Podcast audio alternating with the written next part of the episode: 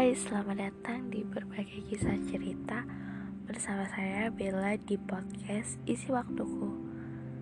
Apa kabar kalian? Semoga sehat-sehat ya. Di sini bakal banyak kisah-kisah yang nantinya aku ceritain. Kali ini aku mau bercerita tentang toxic friendship.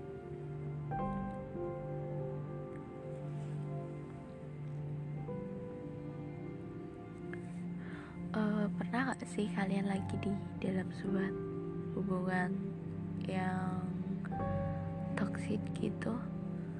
Atau hubungan toxic friendship gitu? Atau bisa dikata dengan hubungan pertemanan yang gak sehat? Pastinya pernah kan ya?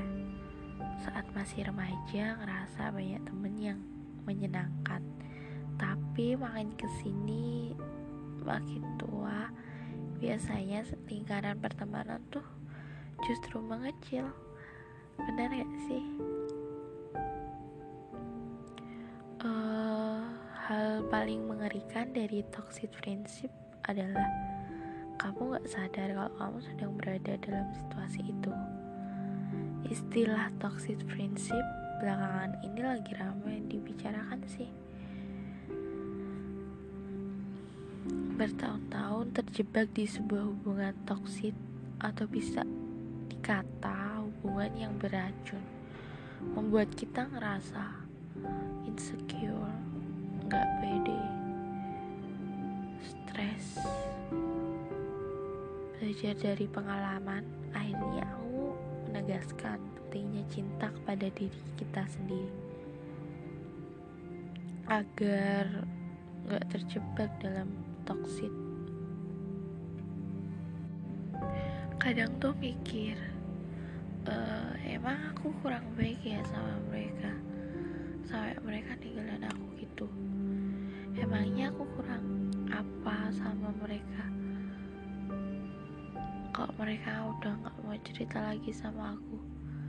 Apa aku salah ya dalam merespon curhatan mereka? Apa aku salah ya kalau lagi main sama mereka jadi, jadi pikiran gak sih. Jadi stres gitu. Ngerasa gak bahagia gak nyaman tertekan dan selalu direndahkan. Harus cinta sama diri sendiri itu penting banget. Kalau kita sudah cinta sama diri kita sendiri akan aman sih ke depannya dengerin ya orang yang tulus dan mau kamu bahagia. Stop bersama dia yang menyiksa. Aku selalu punya prinsip. Aku harus bahagia. Dan masih banyak orang yang mau bikin aku bahagia. Masa lalu itu bikin aku belajar lebih banyak. Dalam semua hal aku belajar. Salah satunya sayang sama orang boleh.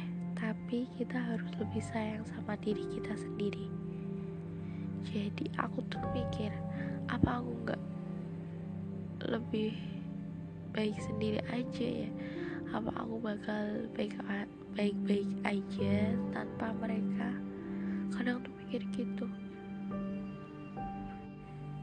Dan kadang tuh nggak bisa ngebedain gitu antara mana yang baik mana yang salah mana yang harus dilakuin dan mana yang harus ditinggalkan kadang gitu kalau perasaannya udah terlalu besar sama seseorang terima kasih ya.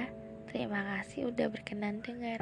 Semoga kita bertemu lagi di podcast isi waktuku berikutnya. Dan selamat beristirahat